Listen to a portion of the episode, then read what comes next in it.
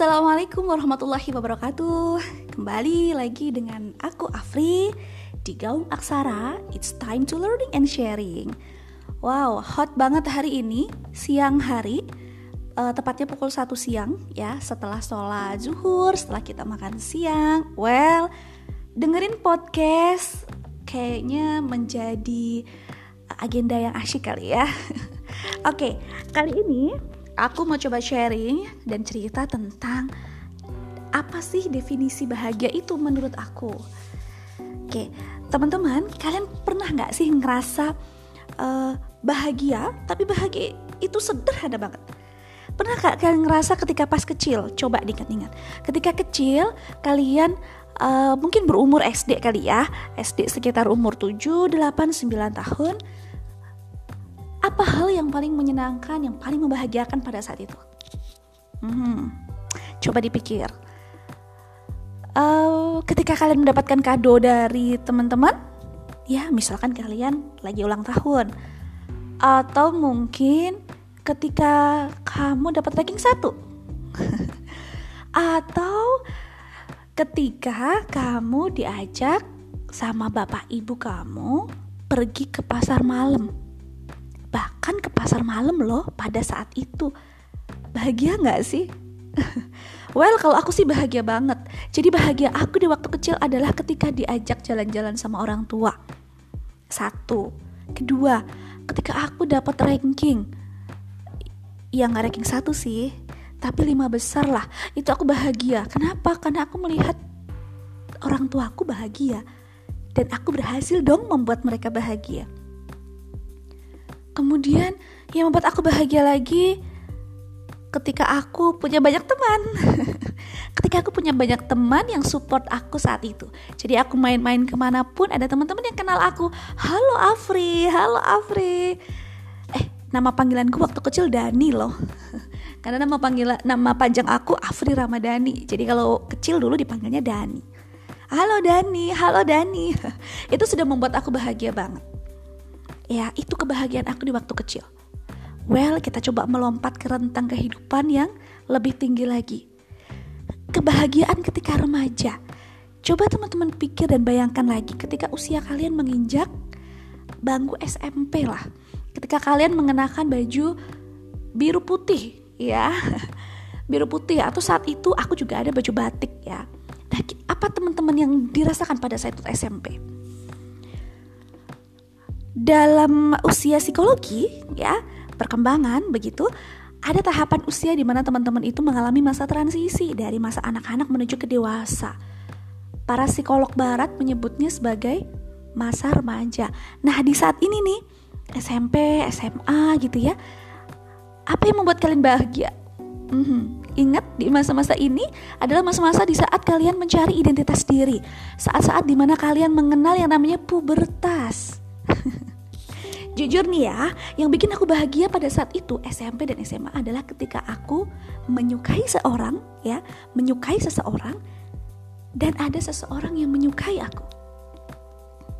Ya, diajak ke pasar malam, diberikan kado gitu ya, atau mungkin ranking ya, well kalau ranking mungkin uh, masih bahagia gitu ya. Tapi kalau diberi kado, kemudian diajak jalan-jalan ke pasar malam, kayaknya udah lewat pas bahagia itu. Ya, Ketika umur kita bertambah, maka kebahagiaan itu juga ikut bertambah. Value kebahagiaan kita ikut bertambah. Bahagiaku pada saat itu sesuai dengan usia perkembangan aku. Aku dicintai dan aku mencintai. Asik kan? Karena pada saat itu aku mulai jatuh cinta. Mungkin teman-teman yang lain juga ngerasain gitu ya. SMP, SMA adalah masa-masa indah kita mengenal lawan jenis kita bahagiaku ketika masa remaja. Mungkin sama dengan bahagiamu ketika masa remaja. Oke. Kemudian kita naik lagi ke level berikutnya. Coba kita pikir-pikir lagi.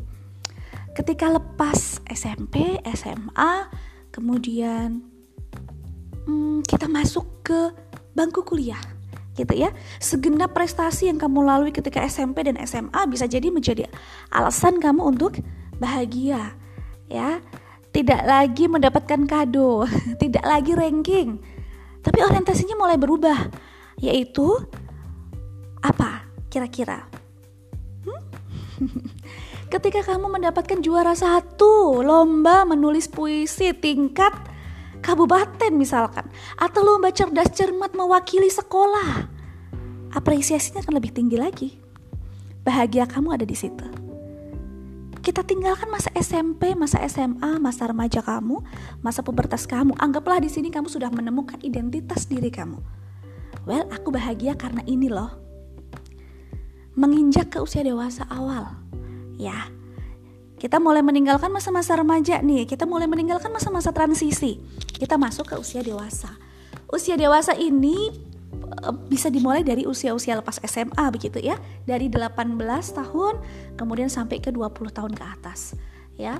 Nah di usia-usia dewasa awal ini biasanya kalian mulai menerapkan atau mencari gitu ya definisi bahagia atau makna bahagia yang sesungguhnya ya. Mungkin men, uh, mendapatkan apresiasi uh, tentang prestasi kamu itu menjadi hal yang bahagia, tapi mungkin itu akan menjadi prioritas kedua atau ketiga, tidak lagi menjadi prioritas utama. Apa? Coba pikir. Pada saat itu, ketika kuliah, yang menjadi hal paling membahagiakan buatku adalah ketika aku mendapatkan pekerjaan paruh waktu. Karena di saat itu aku lepas beban dari orang tua Oke, okay. mulai rada bener ya. Definisi bahagianya udah mulai berbeda lagi nih. Next step lagi nih. Karena setiap rentang kehidupan manusia dia akan mempelajari banyak hal di dalam sisi kehidupan ini. Logika pemikiran dia mulai berubah. Apa yang dia rasakan mulai berubah. Orientasi kehidupan dia bisa jadi mulai berubah. Tidak hanya berpikir untuk kehidupan duniawi, tapi juga untuk kehidupan akhirat di masa-masa kuliah. Semester awal ya, kemudian semester tengah ikut sebuah kompetisi yang lebih tinggi lagi, ya, mendapatkan achievement yang lebih tinggi lagi. Bahagia. Kemudian mendapatkan calon pasangan ya kalau yang sudah semester-semester tengah akhir gitu ya mendapatkan calon pasangan hidup masih calon loh ya belum sesungguhnya nih masih calon. Karena kita nggak tahu nih apakah betul-betul dia akan membuat kita bahagia lahir dan batin nantinya ya kan? Itu bisa jadi sebuah kebahagiaan tersendiri.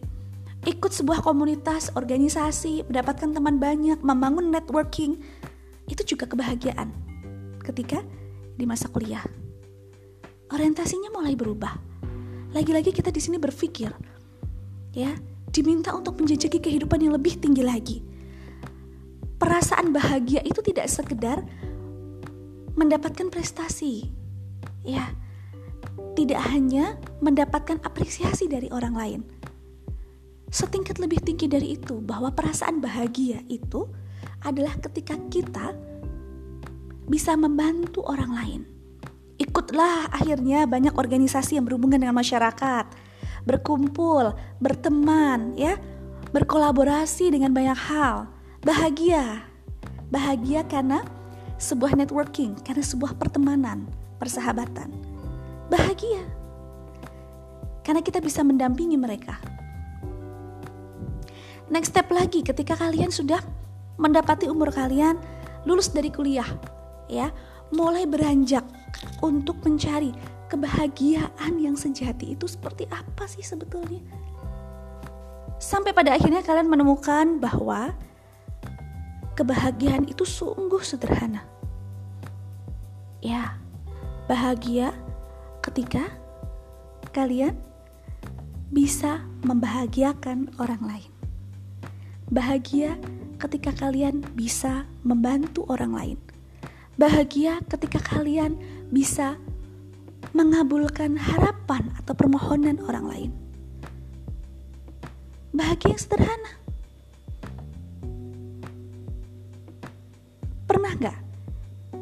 itu dialami ketika pas SD?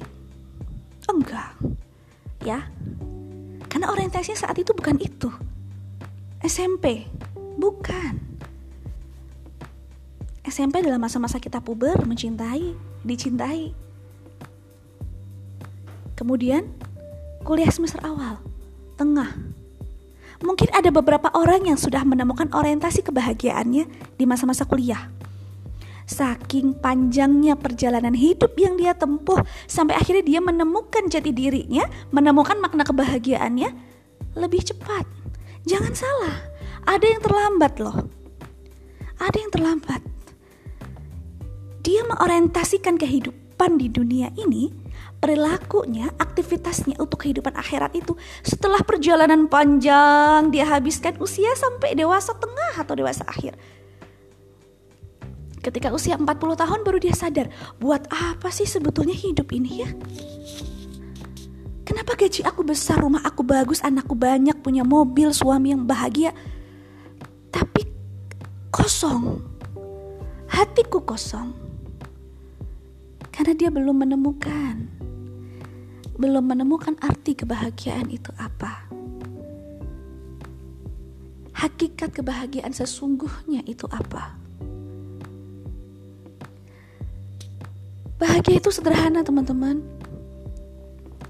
Bahkan saat kita tidak bisa memberikan apa-apa kepada orang lain melalui uang atau harta yang kita miliki, kita masih bisa memberikan perhatian kepada mereka.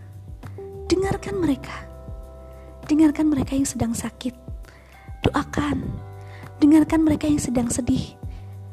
Kasih motivasi Dengarkan mereka yang sedang sendiri, dengarkan hatinya. Ada apa dia sendiri? Kenapa dia bersedih? Dekati. Kalian gak butuh uang banyak, cukup waktu dan atensi atau perhatian. Jadi membahagiakan orang lain itu gak mahal kan? Membahagiakan orang lain itu hanya cukup kesediaan dari teman-teman, waktu dan tenaga kalian. Sama seperti yang aku lakukan di tempat aku bekerja saat ini. Di sebuah lembaga zakat atau di sebuah NGO sosial ketika terjadi bencana saya termasuk tim yang harus turun untuk mendampingi mereka. Mendampingi secara psikis. Membantu, menemaninya, menemukan solusi atas masalah-masalah yang dia hadapi. Bukan aku yang mencari solusi. Aku hanyalah menjadi cermin untuk mereka. Mereka yang sebetulnya harus mencari solusinya sendiri. Mereka yang harusnya mencari solusi untuk permasalahan mereka sendiri. Cukup dampingi, cukup dengarkan. Apa kira-kira yang mereka masalahkan atau yang mereka keluhkan? Ditambah lagi kebahagiaan yang tidak hilang ketika saya dulu kecil, remaja gitu ya. Berteman. Ini juga membuat saya bahagia. Berteman. Jadi saya bergabung di sebuah komunitas yang cukup besar di Indonesia, bahkan di luar negeri, yaitu komunitas ibu profesional. Alhamdulillah hingga hari ini tidak ada hal yang membuat saya sedih dan menyesal untuk bergabung dengan Institut Ibu Profesional. Kenapa?